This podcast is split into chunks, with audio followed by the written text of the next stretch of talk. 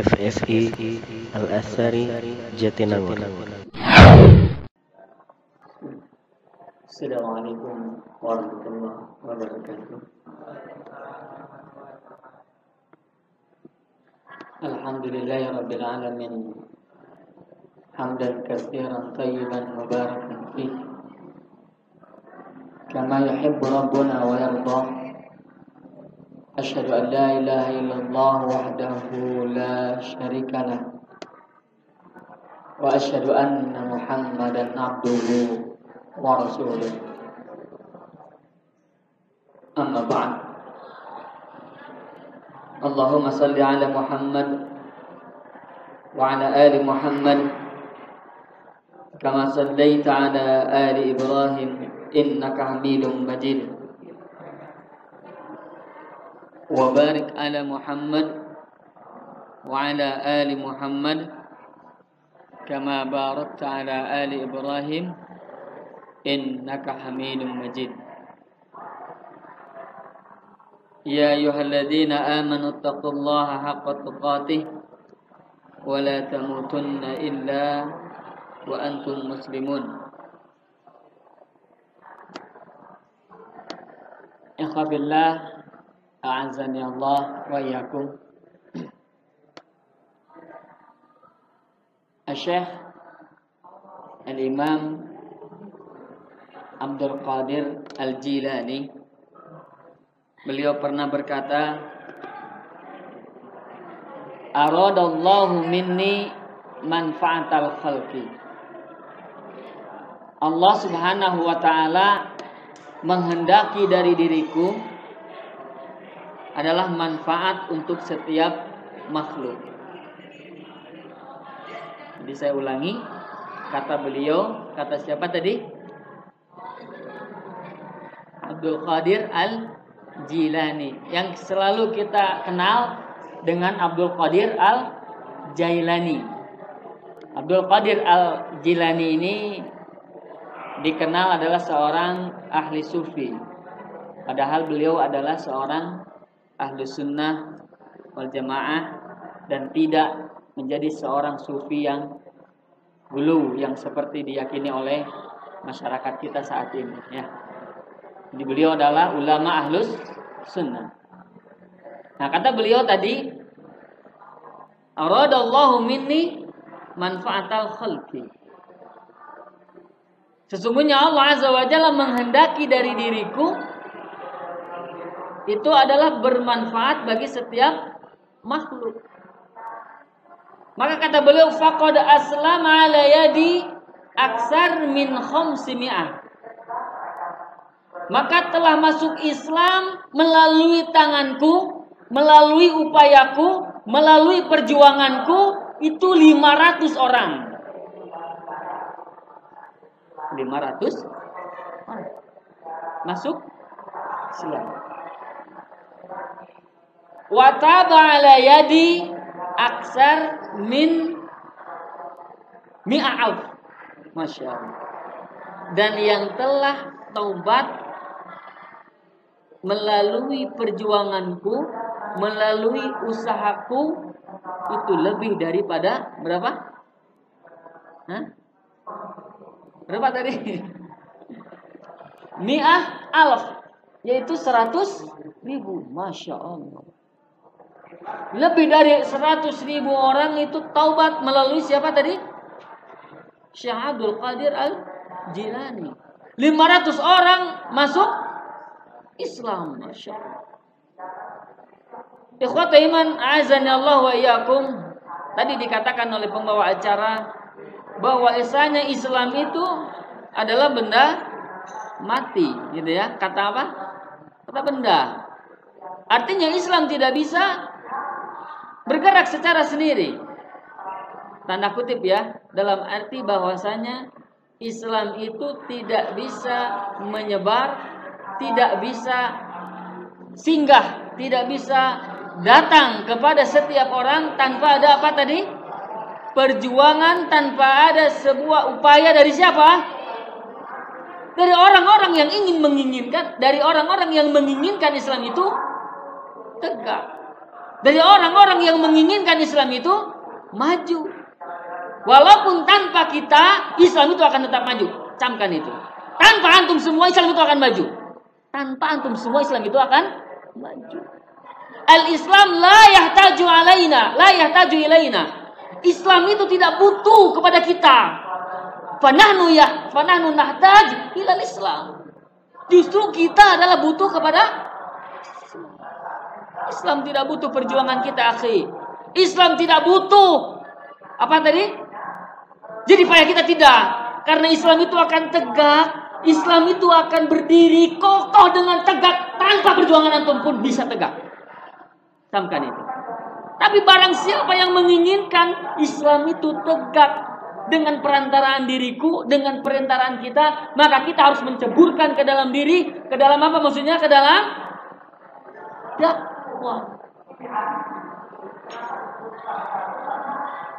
Sekali lagi Islam itu tidak butuh kepada per orang, kepada setiap manusia. Tidak butuh. Kita yang butuh kepada Islam. Itu yang harus dicamkan.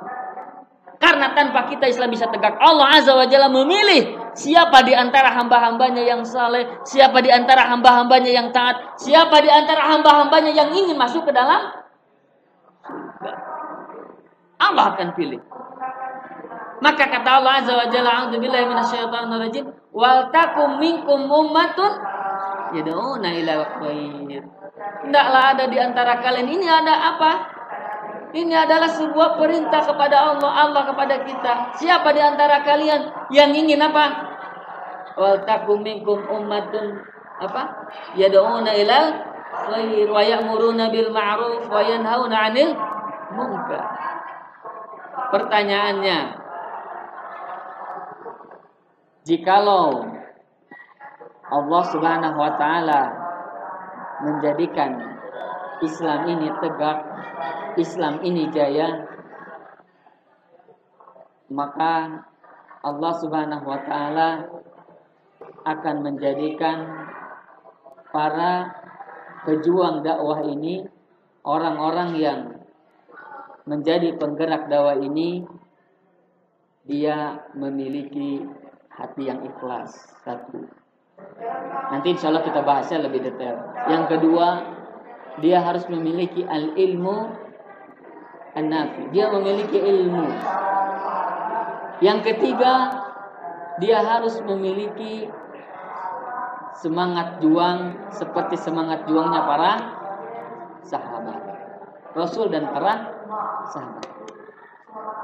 Sebelum kita bahas ke sana maka pertanyaannya kenapa Allah Subhanahu wa taala menginginkan ada di antara kita, ada di antara manusia itu ada yang menyeru kepada al-Islam, ada yang menyeru kepada dakwah, ada yang menyeru kepada kebaikan. Untuk siapa itu? Untuk apa? Untuk apa? Untuk siapa? Apa untuk Allah? Apakah untuk Allah?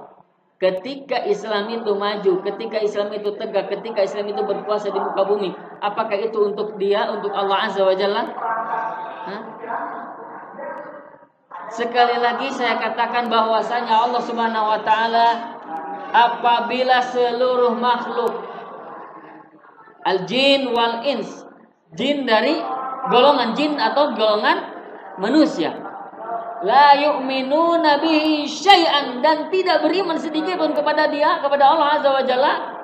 La yang min 'azamatihi walau kana qalilan. Dia Allah subhanahu wa taala dengan tidak berimannya seluruh makhluk dengan tidak berimannya manusia dan seluruh jin tidak mengurangi sedikit pun keagungan Allah azza wa jalla. Camkan itu. Ya. Sekali lagi jikalau seluruh makhluk durhaka kepada Allah jika seluruh makhluk membangkang kepada Allah Jawa Jalla, itu tidak sedikit pun mengurangi apa tadi? Kemuliaan Allah, keagungan Allah tidak.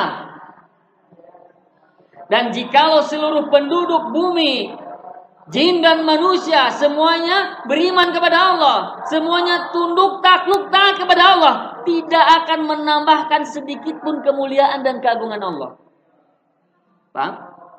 Allah Subhanahu wa taala agung dan mulianya tidak ditentukan dari besarnya banyaknya orang yang memuji Allah. Tidak, sekali lagi.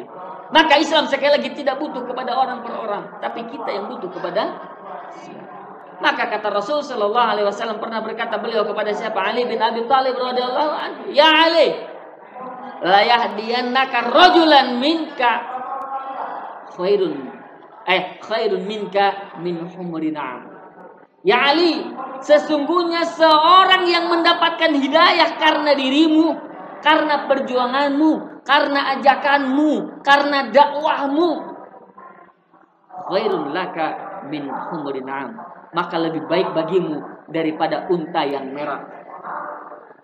Iman rahimakumullah. Untuk apa kita unta hari ini? Betul tidak? Hah? Ngapain unta? Al qasdu bihadal hadis kan. Maksud di hadis ini bahwasanya bahwasanya unta di zaman Nabi apalagi unta merah itu yang sangat apa? Mahal, masya Allah, sangat mahal dan itu sangat dicintai digandrungi. Namun ayuna kalau di sekarang ya mungkin kalau alam ya itu lebih daripada sekedar apa? Apa yang kita banggakan sekarang? Kendaraan. Hah? Nah, kendaraan apa? Ferrari. Masya Allah bisa jadi. Nah. Lamborghini, Ferrari dan lain sebagainya. Seorang yang dapat hidayah karena kita, karena perjuangan kita, karena ajakan kita, karena dakwah kita, maka itu lebih baik bagi kita kata beliau ya daripada kita mendapatkan kendaraan yang mewah sekalipun. Kata apa tadi? Ferrari, Lamborghini dan lain sebagainya lewat. Kenapa? Karena Allah Azza wa Jalla menempatkan kebahagiaan ada di mana? Di surganya Allah Subhanahu.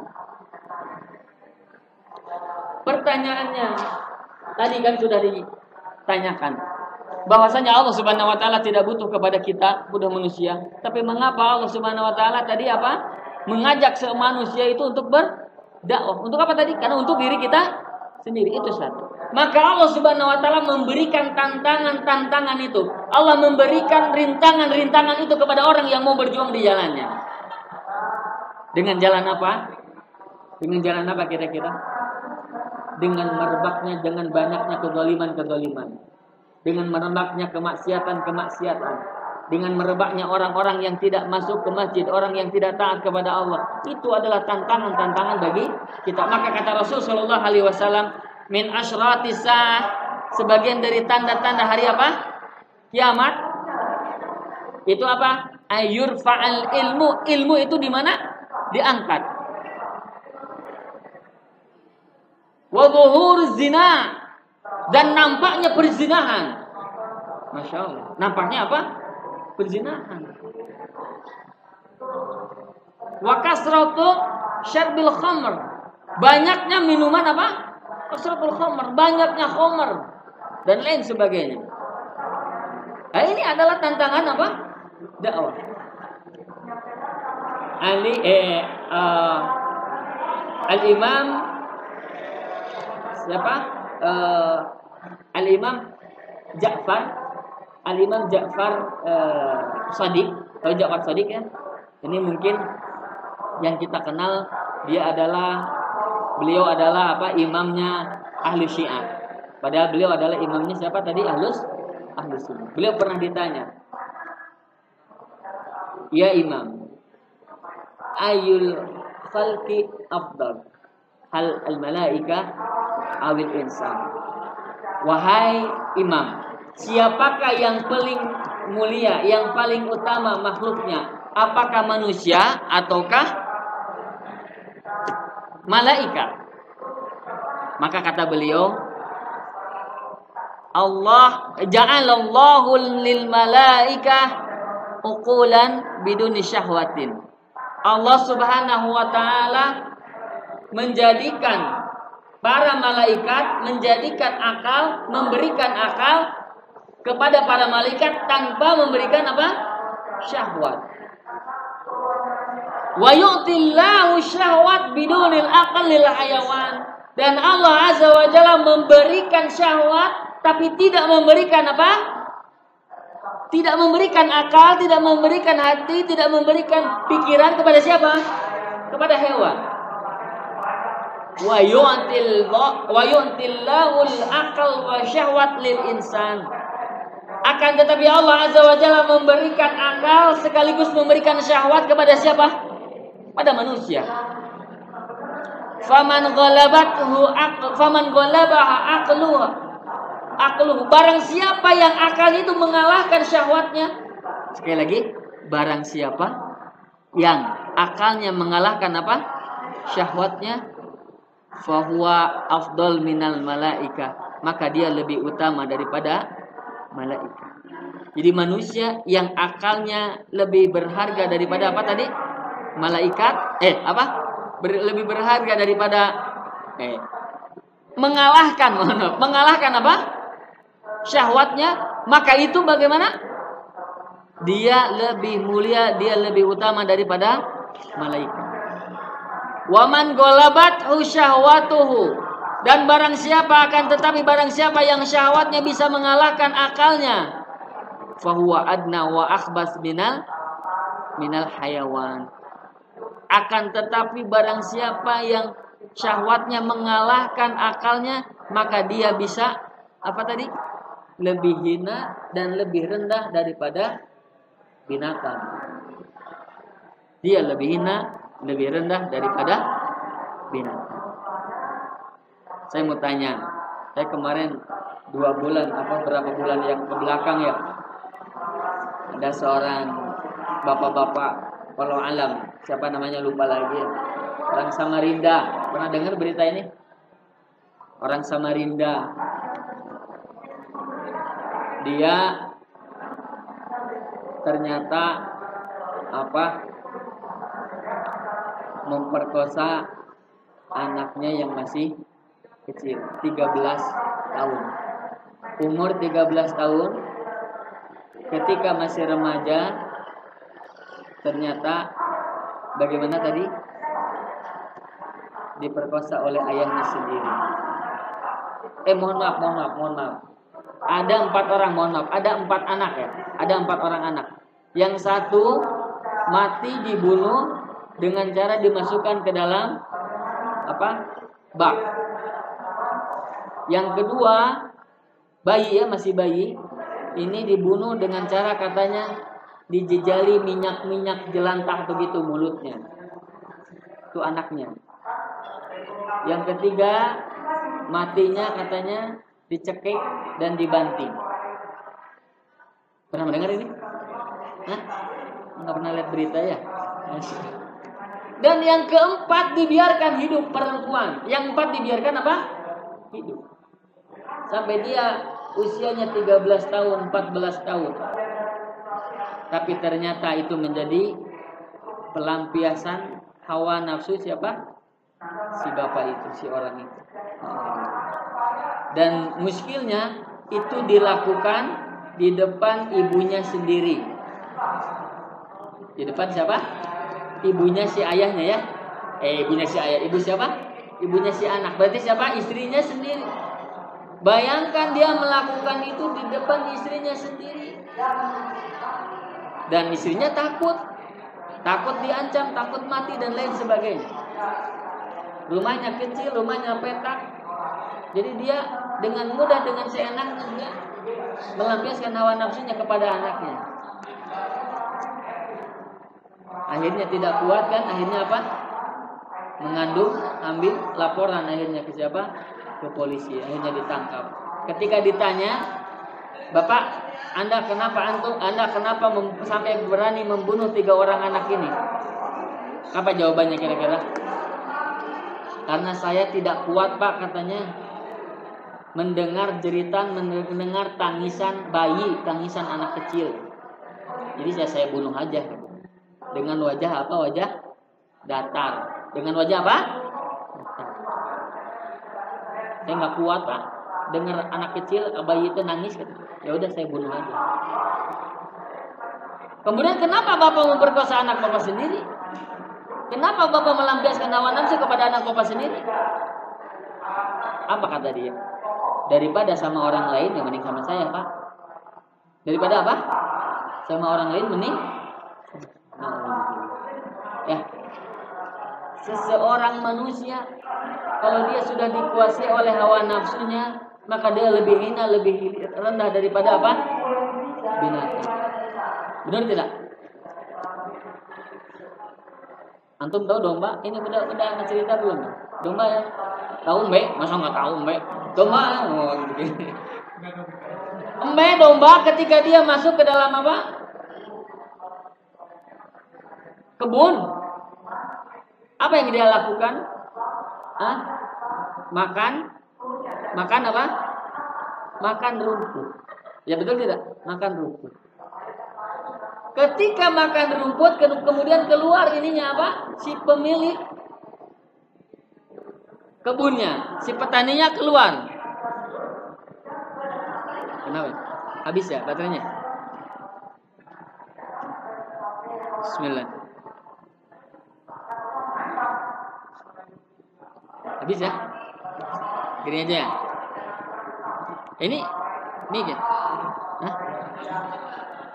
Oh bukan. Dim.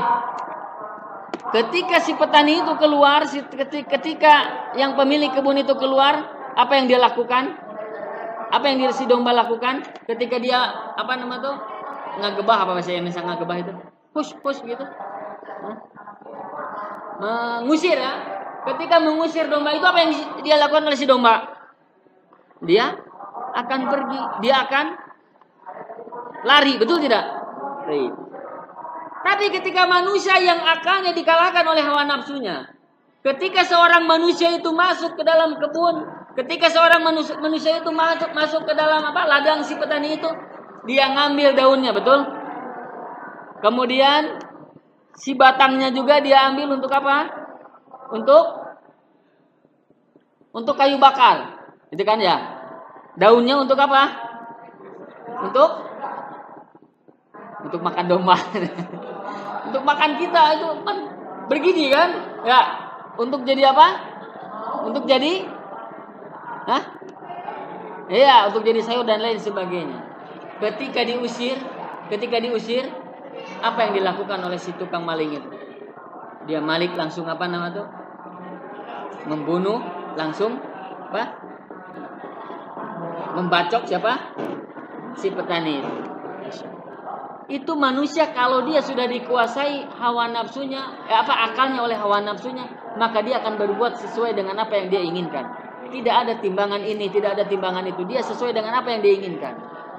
Akhi, yang sekarang terjadi di sekitar kita, coba lihat, masya Allah, naudzubillah ya subhanallah. Coba kita lihat samping-samping kita, kita lihat orang-orang yang ada di sekitar kita. Bagaimana kehidupan kawan-kawan kita? Bagaimana kehidupan saudara-saudara? Kata Rasul Shallallahu Alaihi Wasallam, apa? Kaifa antum mida waqa'at fikum? Bagaimana kalian jikalau lima perkara sudah meng, apa sudah ada di tengah-tengah kalian? Matiin dulu aja ya.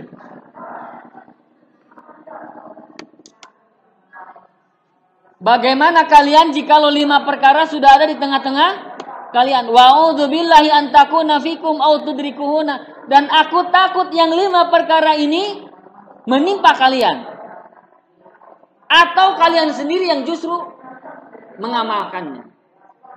Apa yang pertama kata Rasul SAW yang sampai ditakuti oleh Rasul sampai beliau berlindung, berlindung kepada Allah Azza wa Jalla. Kata beliau, "Ma dhaharatil fahishatu fi qaumin qatu yu'malu biha fihi malaniyah illa dhaharu fihi muta'una wal auja allati lam takun fi aslafihim." Tidaklah jikalau zina sudah dilakukan dengan terang-terangan Zina dilakukan dengan terang terang-terangan di dalam sebuah kaum di sebuah negeri kecuali akan Allah timpakan kepada negeri itu penyakit allati lam takun fi aslafihim di mana penyakit itu tidak akan pernah atau belum pernah terjadi pada kaum-kaum sebelum mereka. Kita mengenal hari ini penyakit apa? penyakit AIDS, penyakit apa lagi? Penyakit gonorho, dan lain sebagainya. Dan ketika antum kita melihat ke samping, ke kanan, kiri, ya Allah, bergelantungan, bergelayutan, apa ya nama itu berkeliaran orang-orang yang memperjuangkan hak asasi, manusia. Di mana apa? Di mana laki-laki berhak mencintai hewan buah. Eh apa? Laki-laki, laki-laki lagi. Betul tidak? Ada nggak kira-kira ada orang yang memperjuangkan untuk hak-hak mereka itu seperti itu? Perempuan diperjuangkan bagaimana hak-hak mereka. Kita tidak bisa melarang katanya. Kenapa? Karena ini naluri. Karena ini adalah apa? Sebuah sebuah bawaan hawa apa? Nalurinya dia mencintai perempuan lagi, dia tidak mencintai laki-laki dan lain sebagainya. Ada jaminan tidak di lingkungan kita bersih dari orang-orang yang seperti itu? Wah, di Batan Besi justru akan apa? Bisa jadi banyak. Hari ini bergentayungan, bergelan apa namanya itu bergentayangan akhi. Orang-orang yang mendakwahkan kepada apa? Duat ila syaitan. Penyeru-penyeru kepada siapa? Setan. Penyeru penyeru kepada jahanam, kepada neraka jahanam. Dan mereka itu militan. Mereka itu apa? Militan. Sangat-sangat apa? Juangnya tinggi. Maka mereka sampai berani mati gitu. Untuk memperjuangkan apa? Hak-haknya yang menyimpang. Orang-orang yang memperjuangkan seperti itu adalah orang-orang yang sebenarnya jikalolah itu menimpa kepada anak mereka sendiri, menimpa kepada keluarga mereka sendiri, saya kira itu tidak akan pernah apa? Tidak akan pernah ridho.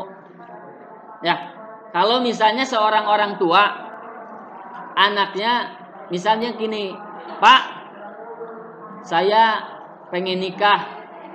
Oh iya bagus, kapan mau nikahnya? Bulan depan. Sama siapa calonnya? Ada Pak Kuda yang bagus Pak itu, Kuda Bina. Apa kira-kira apa yang dikatakan oleh si bapak itu yang memperjuangkan apa tadi? Hak asasi manusia. Kira-kira menerima nggak anaknya kayak begitu?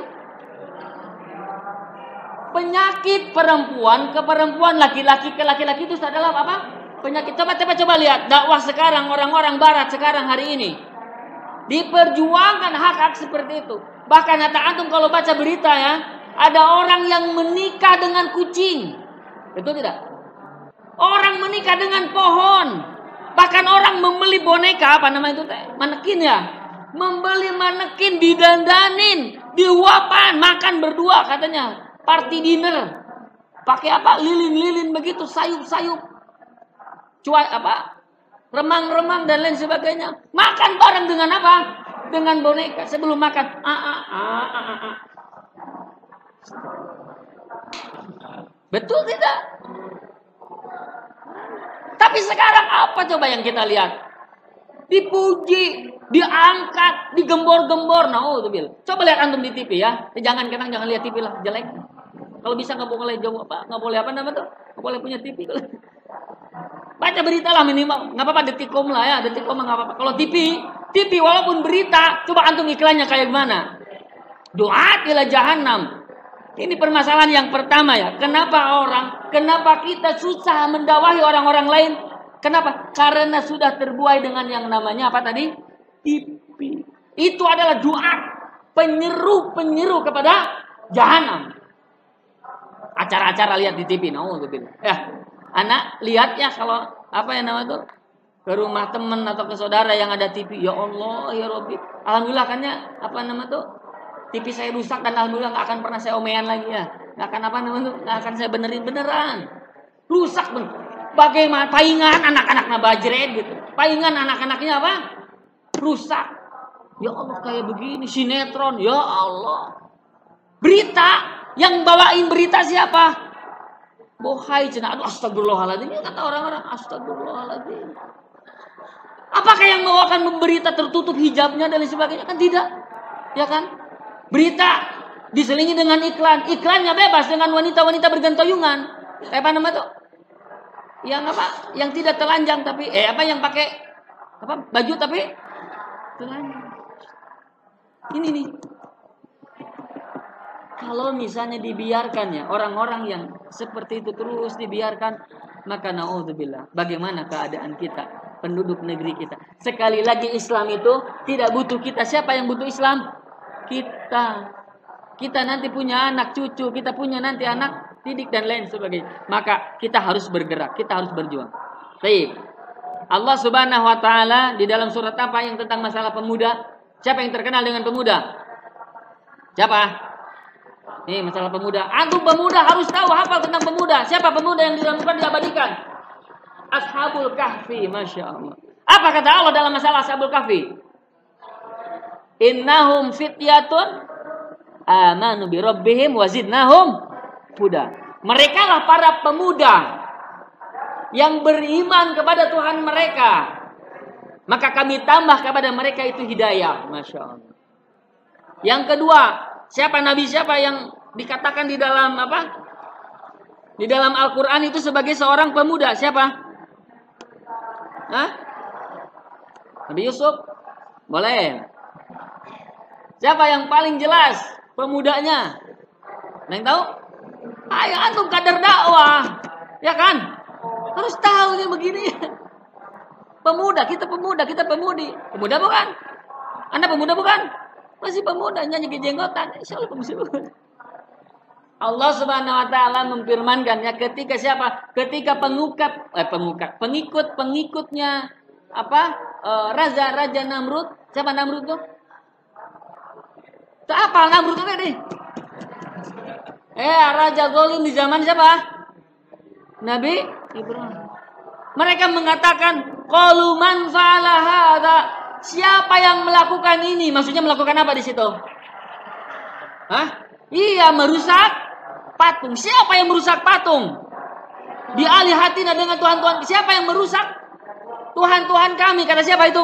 Kata pengikut-pengikut Raja Namrud. Maka ada yang mengatakan apa nama?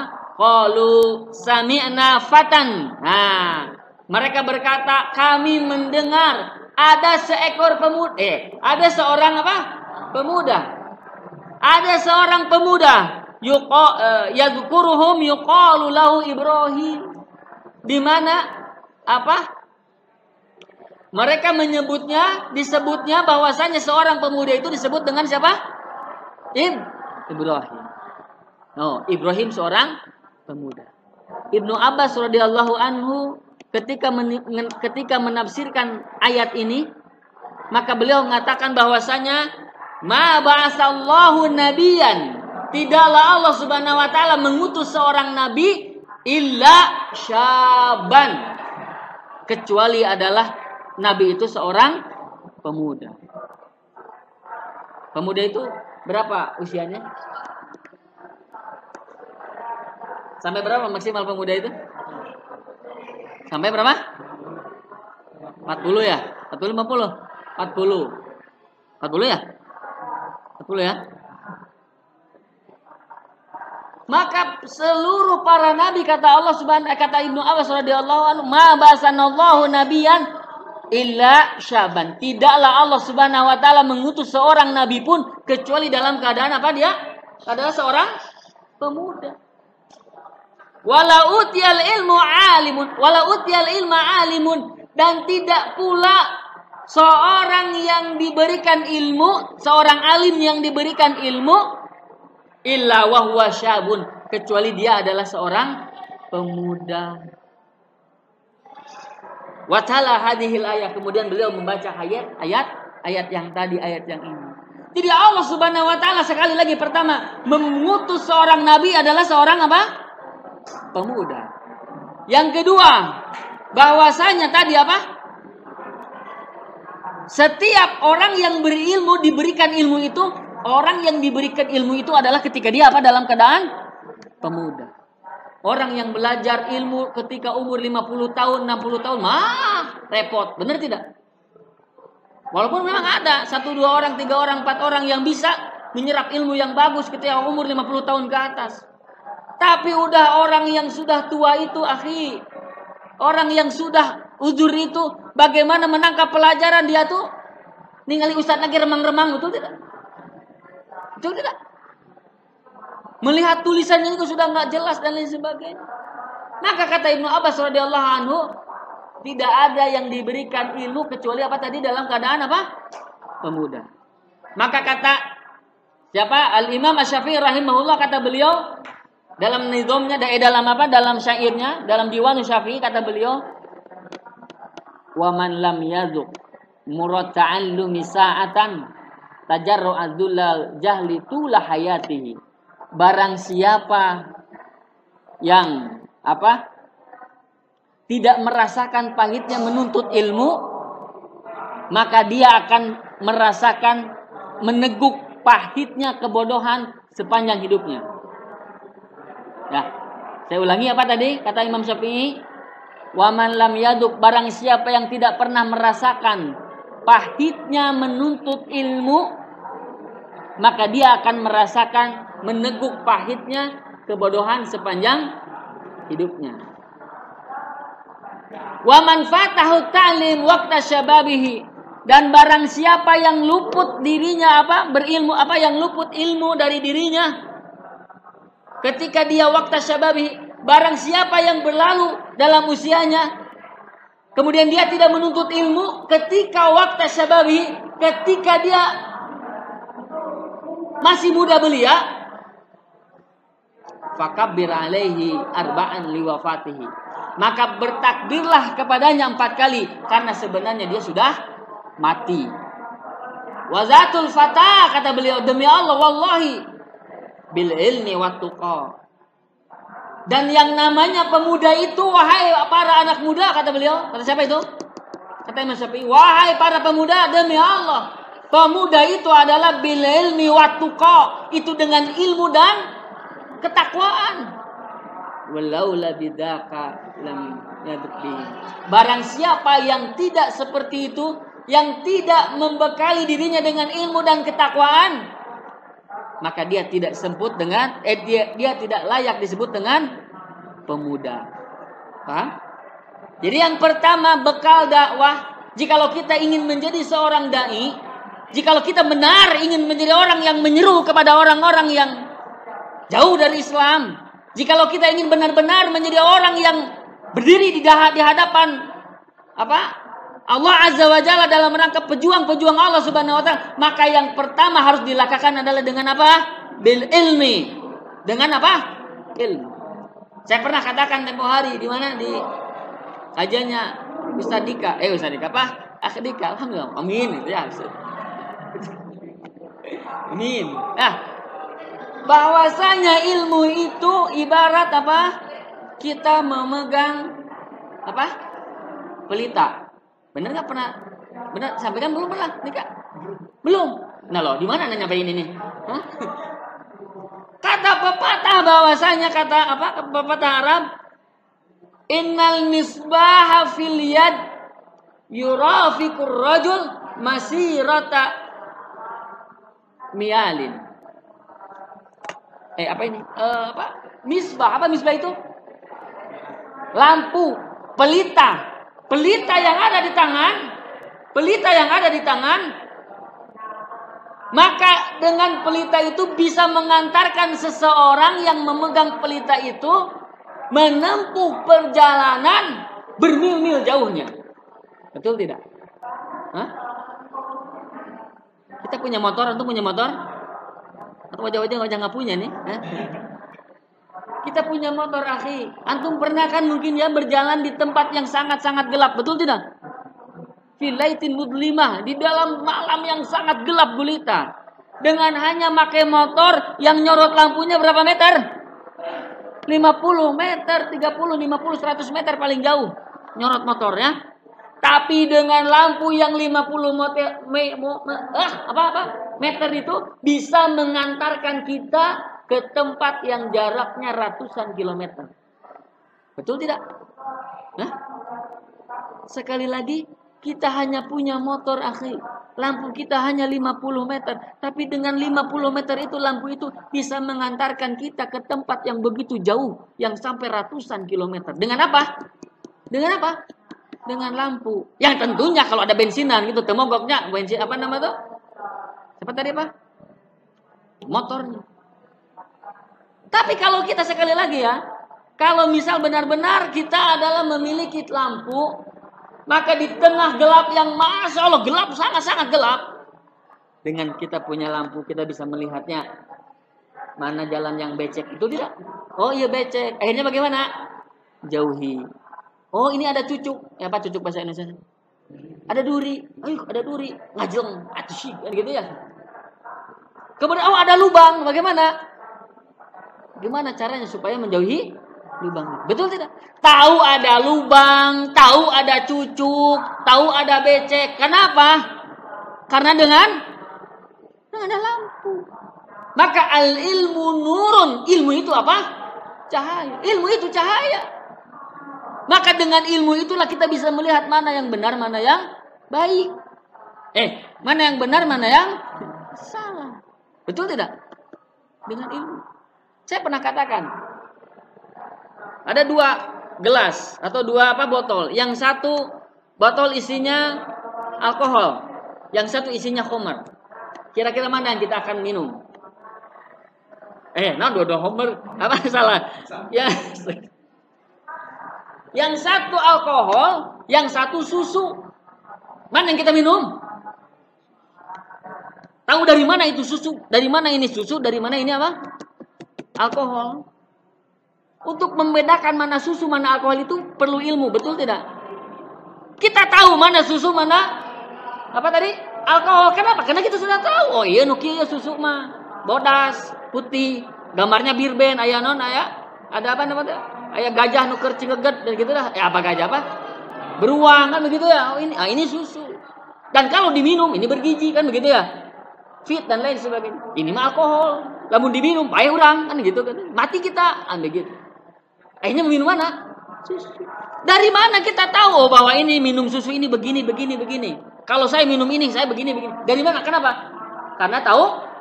Karena tahu ilmu. Betul tidak? Ibu-ibu nih, eh ibu-ibu apa? Teteh teteh. Kan suka masak ya? Suka masak kan? Enggak? Kelihatan sih. Enggak ya. Jadi ketika apa seorang ibu-ibu saja ketika mau masak, jangankan masaklah yang susah, nyambel, nyambel tahu nyambel? Bikin apa? Sambal kan harus benar takarannya, betul tidak? Ini uyahnya sekian, apa uyahnya apa? garamnya sekian, gulanya sekian, cengeknya sekian. Wah, pedo eh jadi weh sambal yang enak. Tapi kalau kita tidak tahu ya apa kita, kita tidak tahu ilmunya. Garamnya satu botol, cengeknya dua truk kan misalnya begitu. Akhirnya apa yang terjadi? Apalagi dalam masalah agama, agama. Kita duat akhi, kita dai, kita penyeru, kita penggerak. Ya gitu ya. Kita penggerak. Maka non apa ya nama tuh? Wadul, apa wadul itu ya? Bohong. Jikalau kita bergerak tapi kita sendiri tidak diserangi dengan apa? Dengan il. Yang pertama bekal seorang dai, bekal seorang penggerak, bekal seorang pendakwah, dia harus memiliki ilmu. Kenapa? Karena kita akan berdakwah, kita akan menyampaikan risalah kenabian. Kita akan menjadikan orang lain taat kepada Allah Subhanahu wa taala. Nah, kadang mohon maaf nih, di antara kita sendiri, di antara kita doa sendiri, di antara aktivis sendiri, ini ilmu itu dikesampingkan. Jarang kita mempelajari ilmu-ilmu syar'i yang berkaitan dengan ibadah-ibadah kita sehari-hari. Minimal ya, kita benar-benar ibadah kepada Allah Subhanahu wa taala sudah benar tidak ibadah kita? Bab sholat sudah benar, belum sholat kita. Tahu sudah benar kita sholat kita belum? Ini harus introspeksi itu satu. Sudah benar belum ibadah kita? Mana yang halal, mana yang haram? Sekali lagi akhirnya tadi ya, kita berjalan di tengah galap yang gulita, di tengah apa tadi? Tempat yang sangat gelap. Kalau kita punya lampu, kita tahu mana yang apa? Bahaya, mana yang tidak. Maka ketika kita pun ya berjalan dengan ilmu, maka kita tahu mana yang diharam-haramkan, mana yang dibolehkan, mana yang tidak. Itu karena apa? Karena karena ilmu. Jadi yang pertama adalah dengan apa? Ilmu. Yang kedua yang harus kita pahami bahwasanya Allah Subhanahu wa taala menghendaki kita adalah untuk taat kepada Allah Subhanahu untuk taat kepadanya dan menjadikan orang lain lagi juga apa? taat. Allah Subhanahu wa taala berfirman kan dalam surah An-Nur. Surah 24 ya, surat apa itu? Surah An-Nur ayat 55. Antum nanti dilihat boleh di rumah ya. Bahwasanya Allah Subhanahu wa taala katakan wa'adallahu alladziina amanu wa amilus. Allah Subhanahu wa taala menjanjikan apa? kepada orang-orang yang beriman minkum di antara kalian wa amilus solihat dan yang beramal soleh. Lihat ya. Allah memberikan janji, memberikan janji kepada siapa tadi? Kepada orang-orang yang beriman dan yang beramal La fil ardi kama ladina min qablihim. Sungguh Allah Subhanahu wa taala dia akan memberikan kekhilafahan, akan memberikan kekuasaan, akan memberikan kemenangan kepada mereka. Siapa mereka itu tadi? Siapa mereka tadi? Orang-orang yang beriman dan beramal saleh. Sungguh dia akan memberikan kepada mereka kemenangan, kekhilafahan. Di mana? Di muka bumi. Seperti orang-orang sebelum mereka telah diberikan apa? Kekuasaan, telah diberikan kekhilafahan. Wala yumakkinanna lahum dinahum alladhi lahum dan sungguh Allah Subhanahu wa taala dia akan meneguhkan, menguatkan, mengokohkan kalian mengokohkan apa? Mengokohkan agama-agama mereka. Ya. Jadi Allah akan mengokohkan agama-agama mereka Allah di mana dengan agama itu telah diredoi bagi mereka. Jadi Allah Subhanahu wa taala sekali lagi meneguhkan mengokohkan bagi mereka agama-agama mereka. Maksudnya agama mereka itu siapa? Apa? Islam. Allah Subhanahu wa taala memberikan kekuasaan nanti akan memberikan apa? kekhilafahan kepada orang-orang yang beriman dan yang beramal saleh. Kemudian Allah akan meneguhkan agama mereka, Allah akan meneguhkan Islam ini di mana Islam ini adalah diridhai Allah Subhanahu wa taala untuk mereka walayudilannahum min ba'di khaufihim amna. Kemudian dia Allah Subhanahu wa taala akan menggantikan bagi mereka itu yang tadinya takut menjadi aman. Jadi ketakutan hilang, ketakutan sirna. Diganti dengan apa? Dengan keamanan, dengan rasa aman. Ya'budunani la yusyriku nabi syai'an. Nah ini. Di mana mereka itu beriman dan beramal soleh itu dengan cara apa? Ya'budunani. Mereka menyembahku. Hanya menyembah menyembahku. Wala yusyriku bi syai'an. Wala yusyriku nabi syai'an dan mereka tidak pernah berbuat syirik kepadaku sedikit pun. Ini ini ini perkataan siapa ini? Perkataan siapa ini? firman Allah, perkataan Allah.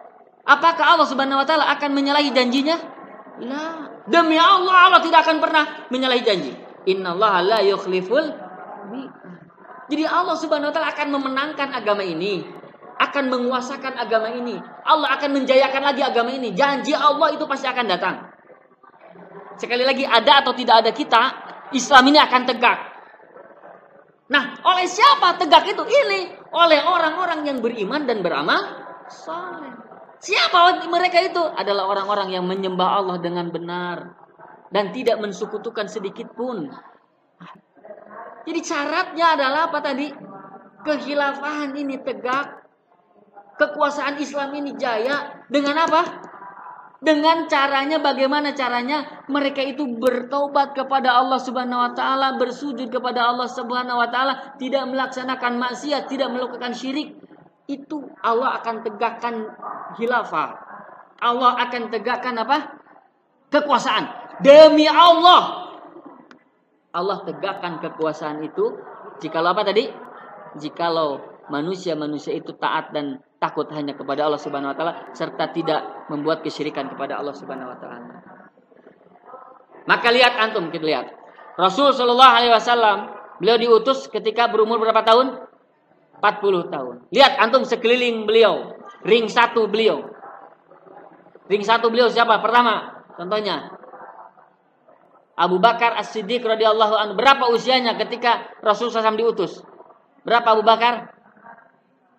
37, 38 tahun. Umar bin Khattab radhiyallahu anhu berapa tahun? 26. Ja'far bin Abdul Muttalib berapa tahun? 18. Ali bin Abi Talib. Kemudian siapa? Uh, Al-Arqam bin Al-Arqam. Kemudian siapa? Uh, Abdullah bin Mas'ud radhiyallahu anhu berapa tahun? Mereka itu semuanya adalah para pemuda. Yang paling tua itu adalah tadi Abu Bakar, kemudian satu lagi siapa? Ada yang tahu?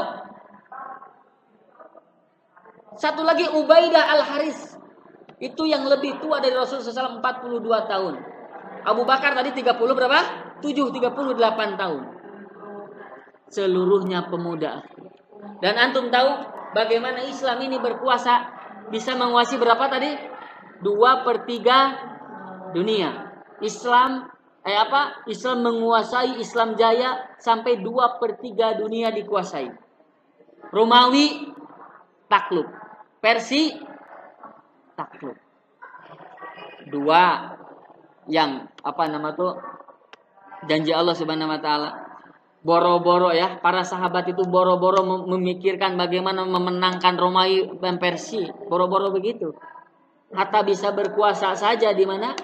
Di Mekah itu tidak ada dalam pikiran mereka. Tapi janji Allah Subhanahu wa taala coba lihat. Ya, Allah Subhanahu wa taala memberikan kemenangan di Mekah. Ya, menguasai Allah Subhanahu wa taala apa para rasul SAW dan para sahabatnya menguasai Mekah, Madinah, Hijaz dikuasai semua. Kemudian menyebar ke negeri-negeri Arab yang lain, masya Allah. Dan sampai zaman Abu Bakar, kemudian zaman sampai Umar bin Khattab radhiyallahu anhu, akhirnya bisa menguasai apa tadi? Dua per tiga dunia. Maroko, kemudian apa lagi? Andalus, takluk. Di mana? di kaki-kaki mereka. Kenapa mereka bisa seperti itu? Kenapa? Karena mereka benar-benar takut kepada Allah. Mereka bagaikan rahib-rahib, mereka bagaikan ahli-ahli apa? Pendeta-pendeta yang sangat-sangat taat ketika di malam hari.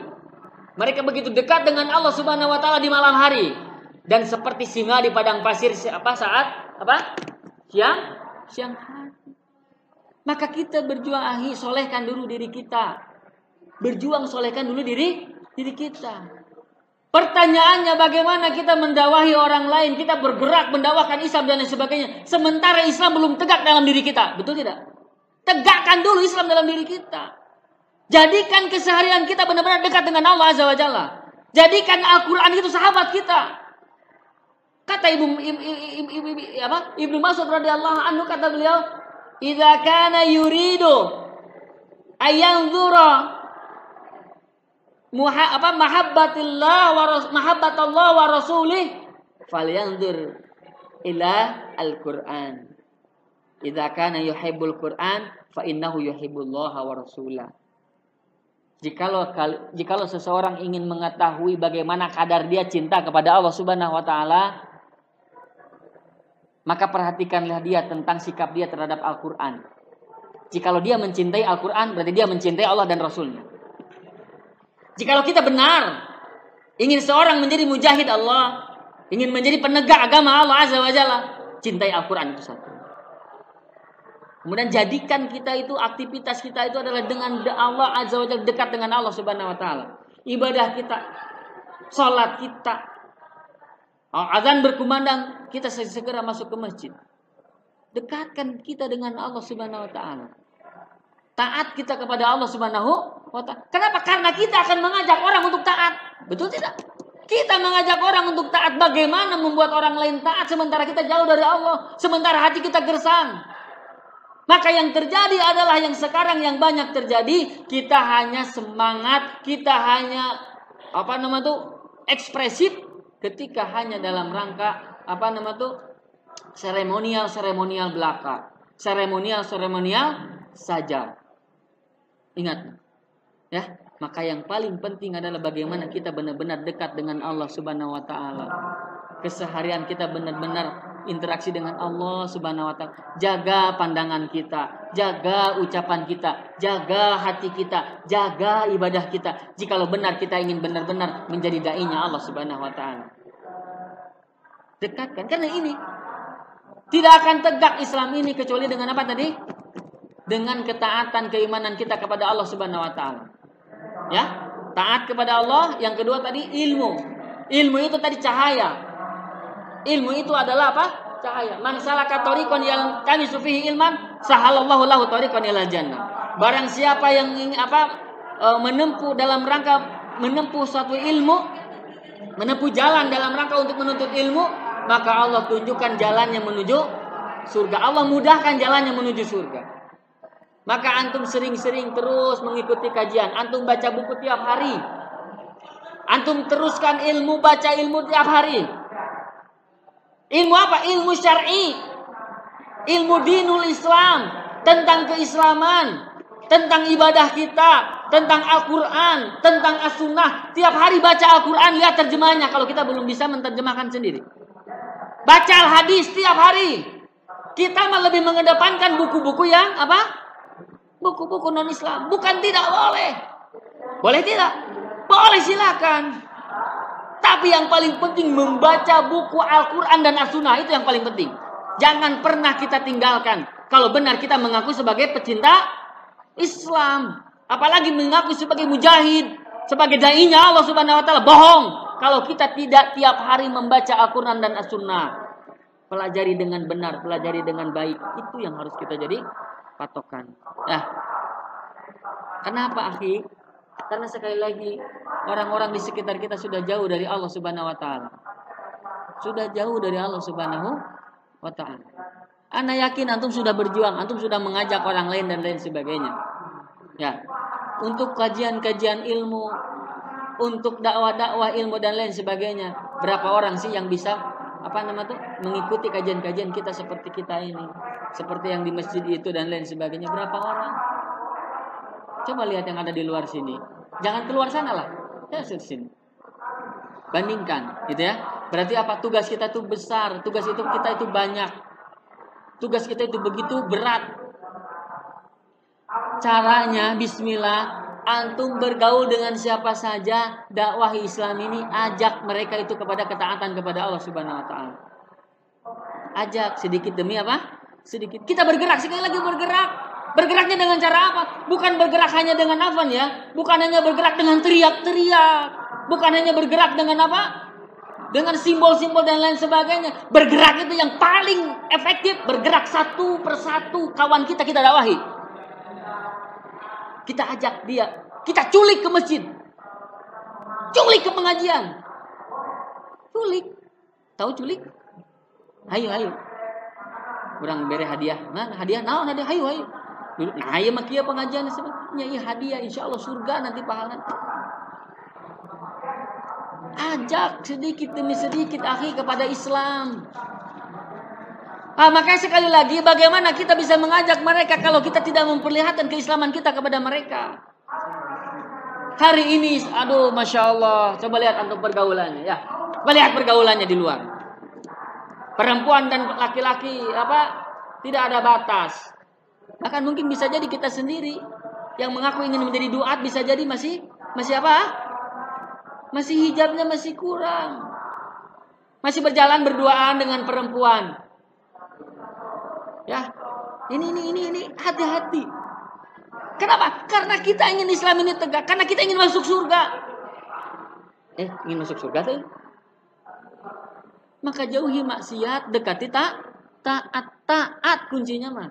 Ya, Bismillah kita berjuang, kita aja. Eh, pemuda, masya Allah, bohong, eh, bohong. Kita menaklukkan dunia, menaklukkan Indonesia, menaklukkan apa-apa dan lain sebagainya. Kalau diri kita jauh dari Allah Subhanahu Wa Taala, gersang hati kita. Bohong, menegakkan dunia, menegakkan syariah, menegakkan khilafah. Sementara kita teman-teman kita dibiarkan begitu saja, kita tidak ajak, kita tidak berjuang. Ayo kita pengajian, ayo kita ini, ayo kita, ayo, ayo, ayo. Nih, anak hadiahkan buat antum buku. Nih, anak hadiahkan buat antum cenderamata buku. Pernah kita seperti itu ke teman-teman kita?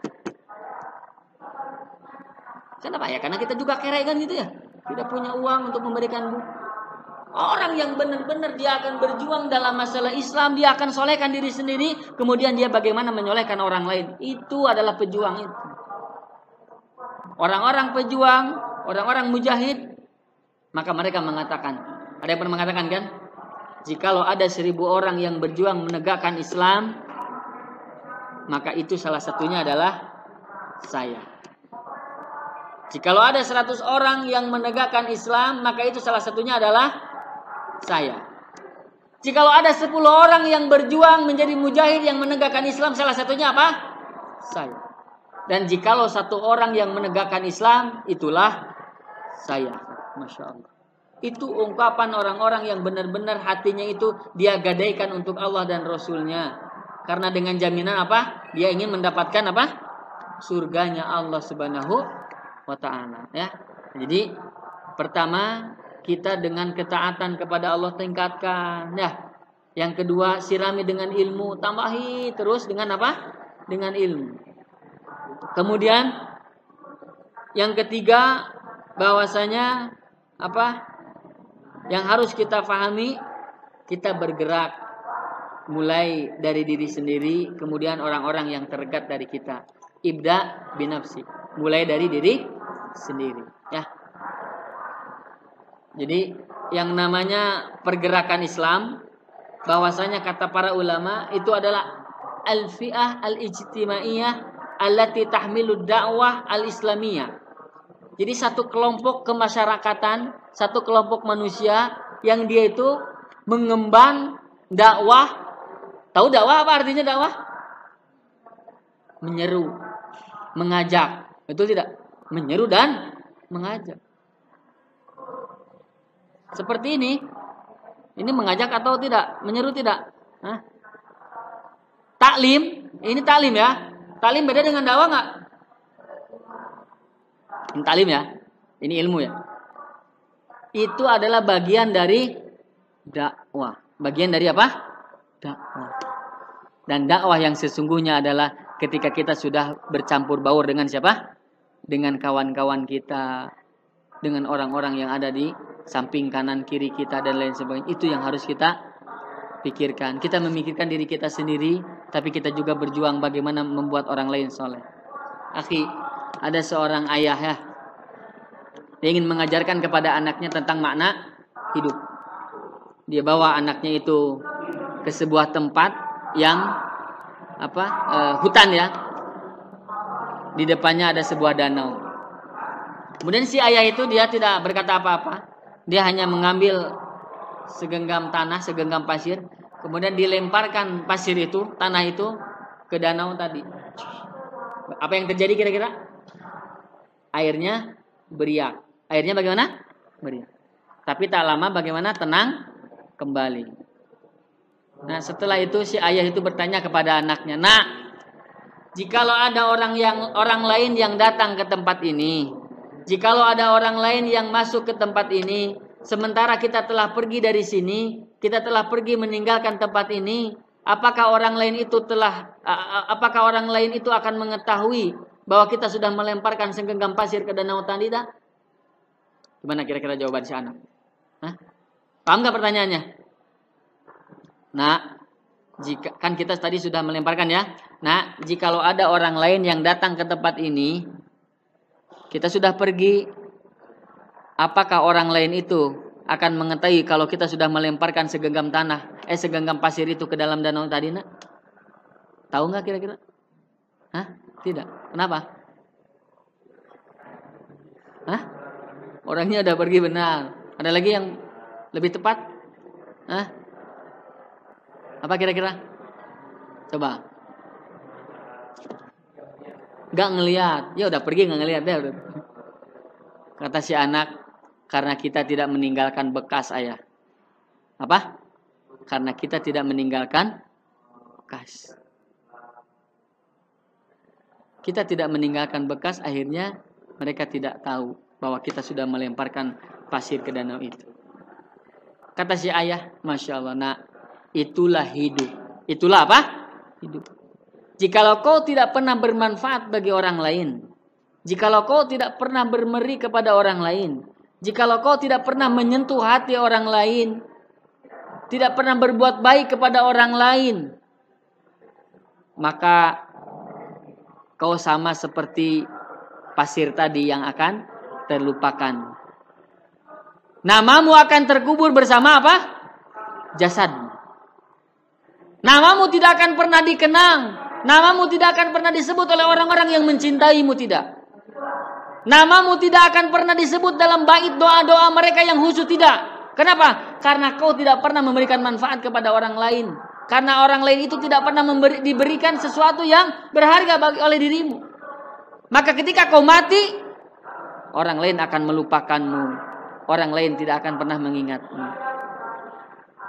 Sahabat, kawan-kawan, kita tahu nama kakek dari kakek kita? Hah? Siapa yang tahu nama kakek dari kakek kita? Kita punya kakek ini. Punya kakek kan? Kita kakek ya? Eh kita kakek apa? Kita punya kakek. Kakek kita ada kakeknya lagi kan? Tahu nggak siapa nama kakek kita? Kenapa kita tidak tahu kakek siapa kita? Eh kakek siapa kita? Apa? Kakek kita siapa? Kenapa? Karena karena kakek kita karena kakek kita apa? Hah? Karena kakek kita tidak pernah meninggalkan Ya. Benar tidak? Coba lihat Al-Imam Asy-Syafi'i rahimahullah. Usia hidupnya dengan kakek dari kakek kita siapa yang duluan? Siapa yang duluan? Hah? Al-Imam Asy-Syafi'i rahimahullah. Al-Imam Al-Bukhari, wah, dah terlebih dahulu mereka itu. Betul ya? Kenapa mereka masih kita tahu? Kenapa kita mereka kita masih bisa mengenal mereka? Kenapa? Kenapa? Karena mereka meninggalkan maka kata Allah Subhanahu wa taala, "Idza mata ibnu Adam in amaluhu." Apabila anak Adam mati, terputuslah seluruh amalnya kecuali illa salacin, kecuali tiga perkara. Yang pertama sedekah jariyah, sedekah jariyah. Au ilmin yuntafa'u bihi atau ilmu yang bermanfaat, au sodak apa? Au waladin solihin yad'u lahu. Sedekah jariyah, ilmu bermanfaat, apalagi tadi? Hah? Anak soleh yang mendoakan. Ini akhir sebenarnya hidup kita tuh untuk ini, tidak untuk yang lain. Kita umur afan ya. Antum usianya berapa? 20 22? Beda 2 tahun ya sama anak. Dihitung dari 15 tahun. Antum usia sekarang 20 tahun. Ada jaminan antum bisa hidup sampai 60 tahun? Hah? Kita bisa masih, kita bisa meninggal akhir esok atau lusa. Betul tidak? Kita bisa mati. Tahun depan bisa mati. Kita nggak tahu usia. Anak yang lebih tua, antum yang lebih muda. Secara akal yang lebih tua akan lebih meninggal. Tapi kan tidak bisa begitu matinya. Betul tidak? Kematian itu tidak antri. Tapi bagaimana? Ini bukan antri, tapi cabut. Jadi bisa jadi orang yang lebih tua, san saya ya, saya lebih tua. Bisa jadi antum yang lebih muda duluan meninggal daripada saya. Atau bisa jadi sebaliknya. Saya yang terakhir, antum duluan. Begitu. Ya, ketika kematian itu datang menjemput kita, maka yang harus kita perhatikan ketika kita mati, misalnya sampai hari kiamat tiba, misal sampai 100 tahun lagi, 60 tahun lagi, cik di dalam kubur ya, kita sampai hari kiamat 60 tahun sampai hari dibangkitkan. Kita usianya di dunia 20 tahun. Berarti lebih lama mana? Di dunia atau di kubur? Hah? Bayangkan akhi, ketika kita meninggal, kita punya ilmu, kita ajarkan kepada orang lain. Kemudian orang lain itu mengamalkan apa yang kita sampaikan. Orang lain itu mengamalkan apa yang kita ajarkan. Kita walaupun sudah mati, walaupun kita sudah meninggal, kita masih mendapatkan pahalanya. Betul tidak? Ini sebenarnya yang harus kita perjuangkan. Maka kenapa kita mengajak orang afan ya? Antum berjuang mengajak orang. Kenapa kita ingin menjadi duat? Kenapa kita ingin menjadi mujahid? Kenapa kita ingin menjadi dai? Karena kita ingin ketika kita ingin ketika kita mati ada orang yang tadinya ahli maksiat menjadi ahli taat gara-gara perantaraan kita. Masya Allah. Itu lebih berharga daripada dunia seisinya. Paham? Maka antum ya mulai hari ini mulai besok antum culang cileng apa culang cileng Lihat, samping kanan, samping kiri. Siapa yang belum taat kepada Allah, ajak dia untuk taat kepada Allah. Berikan kebaikan bagi dia. Maka ketika antum mati, kemudian kebaikan dia itu terus dia mengamalkan ketaatan, maka antum akan mendapatkan pahala terus menerus. Satu. Yang kedua, dia akan tersentuh hatinya. Kemudian ketika antum meninggal, dia akan dengan ridho mendoakan antum dan terus mengingat antum. Masya Allah. Dan anak sendiri Afan ya, anak sendiri itu sampai saat ini tidak akan pernah mengapa nama tuh melupakan jasa seorang sahabat, seorang kakak saya, kakak kelas saya yang mengajak saya ke masjid, yang mengajak saya ke DKM, yang mengajak saya ke aktivis jadi aktivis dakwah dan lain sebagainya. Sampai alhamdulillah yang tadinya saya jauh dari Allah, jauh ah, jauh jauh jauh. Tapi ternyata bisa dekat. Dan sampai saat ini orang yang mengajak itu tidak akan pernah saya lupakan dalam kehidupan saya. Paham? Terukir terus. Saya bisa begini teh karena dia, karena masya Allah omongan itu begitu menyentuh saya sehingga saya itu begini-begini. Masya Allah. Bayangkan ahi jika itu adalah kita. Orang yang tadinya ahli maksiat, orang yang tadinya ahli dosa ya pelaku dosa, kemudian dia sadar, dia taat, dia dekat dengan Allah gara-gara perantaraan kita. Masya Allah. Maka kata tadinya Syekh Abdul Qadir Al-Jilani, Aradallahu minni manfaatal khalqi. Allah menginginkan dariku itu manfaat untuk seluruh makhluk. Salah satunya apa? Yaitu dia harus berjuang bagaimana menjadikan orang lain soleh, menjadikan orang lain taat, menjadikan orang lain apa nama dekat dengan Allah Subhanahu. Inilah yang harus kita lakukan ya. Kita pemuda, kita masih muda, kita penggerak. Maka kata saya apa? Saya eh saya Soekarno apa? Uh, Presiden apa? Soekarno Jikalau apa nama? Eh, berikan kepadaku apa? Sepuluh orang pemuda, maka aku akan kencangkan dunia. Kenapa? Karena pemuda itu energinya besar. Pemuda itu energinya besar. Seperti antum energinya, masya Allah besar besar sekali. Maka jikalau energi antum itu dipakai untuk kekuatan Islam, masya Allah. Dan jikalau itu dipakai untuk kekuatan yang kufar dan lain sebagainya, mah ini kedua. Maka coba lihat ya, penyeru-penyeru jahanam kepada neraka dan lain sebagainya begitu banyak di luar kita. Dan itu para pemuda-pemudi. Ya, benar tidak? Yang senang band-band brang breng brong kepada rugu siapa itu? Pemuda. Yang jauh dari Allah, yang jauh dari masjid itu siapa? Pemuda. Yang dekat dengan maksiat itu siapa? Pemuda. Yang suka minum, yang suka tawuran itu siapa? Pemuda. Yang suka melampiaskan syahwat itu siapa? Pemuda. Yang berhubungan suami istri layak eh apa yang berhubungan layaknya suami istri di hotel-hotel itu siapa? Maka mana pemuda Islamnya? Betul tidak? Mana pemuda Islamnya yang berjuang sedikit? Antum deketi orang-orang yang seperti itu yang jauh dari Allah. Antum deketi sedikit demi sedikit, maka antumlah penggerak itu. Antumlah yang menggerak dakwah ini. Antumlah yang menjadikan apa tadi? Islam ini sebagai sandaran dan mudah-mudahan Islam itu tegak, Islam itu jaya. Mudah-mudahan salah satunya dengan perantaraan kita ya, insya Allah. Mudah-mudahan Allah jadikan kita semua orang-orang yang benar-benar menegakkan Islam ini dalam diri kita, menegakkan Islam ini dalam keluarga kita, menegakkan Islam ini dalam lingkungan kita sehari-hari. Itulah apa pemuda yang sesungguhnya ya. Pergerakan sesungguhnya adalah bagaimana kita bergerak. Seperti apa?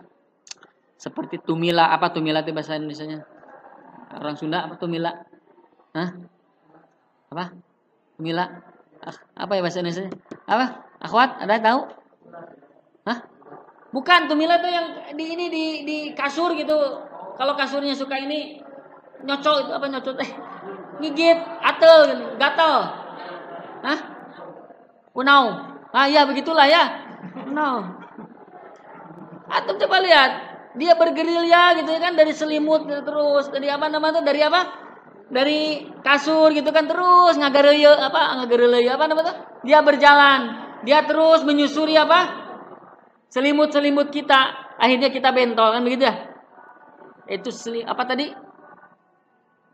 Tumila ya apa? Kutu busuk tak itu tah apa nama? Itu benar kutu busuk ya? Yang bau itu? Kan atel itu kalau nyocok ya apa kalau apa? Kalau ngigit itu gatal, asal. Coba lihat berjuang.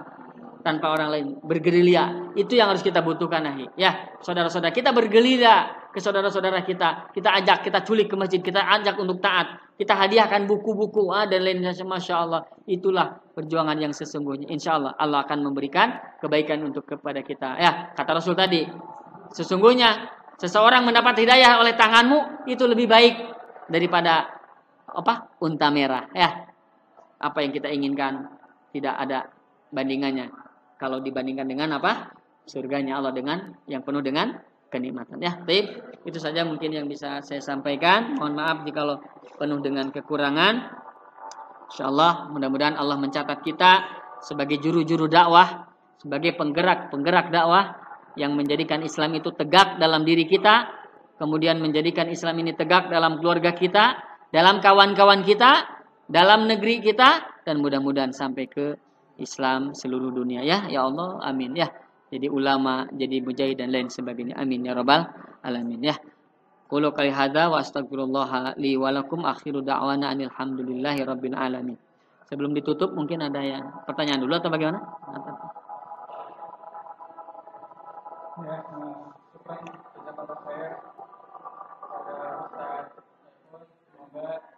uh, saya apa yang disampaikan Ustaz itu bermanfaat bagi kita, dan menjadikan uh, semangat bagi kita untuk terus meningkatkan kualitas ibadah kita kepada Allah karena uh, ada seorang Ustaz yang berkata gitu jadilah orang yang soleh bagi diri sendiri dan jadilah orang yang muslim bagi orang lain.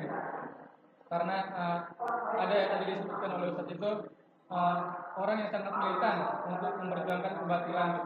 Dan cobaan bagi orang yang memperjuangkan kebatilan adalah dia pejuang kebenaran. Dan pejuang kebenaran juga cobaannya itu adalah uh, pejuang kebatilan. Tapi tadi disebutkan juga janji Allah itu pasti akan menangkan orang-orang yang berjuang di jalan kebenaran yaitu Islam. Dan selanjutnya uh, buat teman-teman adakah yang mau bertanya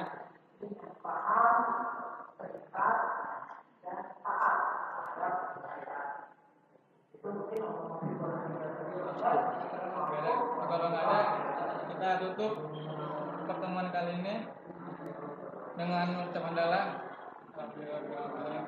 dan istighfar astagfirullahaladzim dan majelis. Ya kurang lebih maaf ya, tetap semangat teman-teman untuk terus menuntut ilmu dan meningkatkan ibadah kepada Allah. Ya assalamualaikum warahmatullahi wabarakatuh.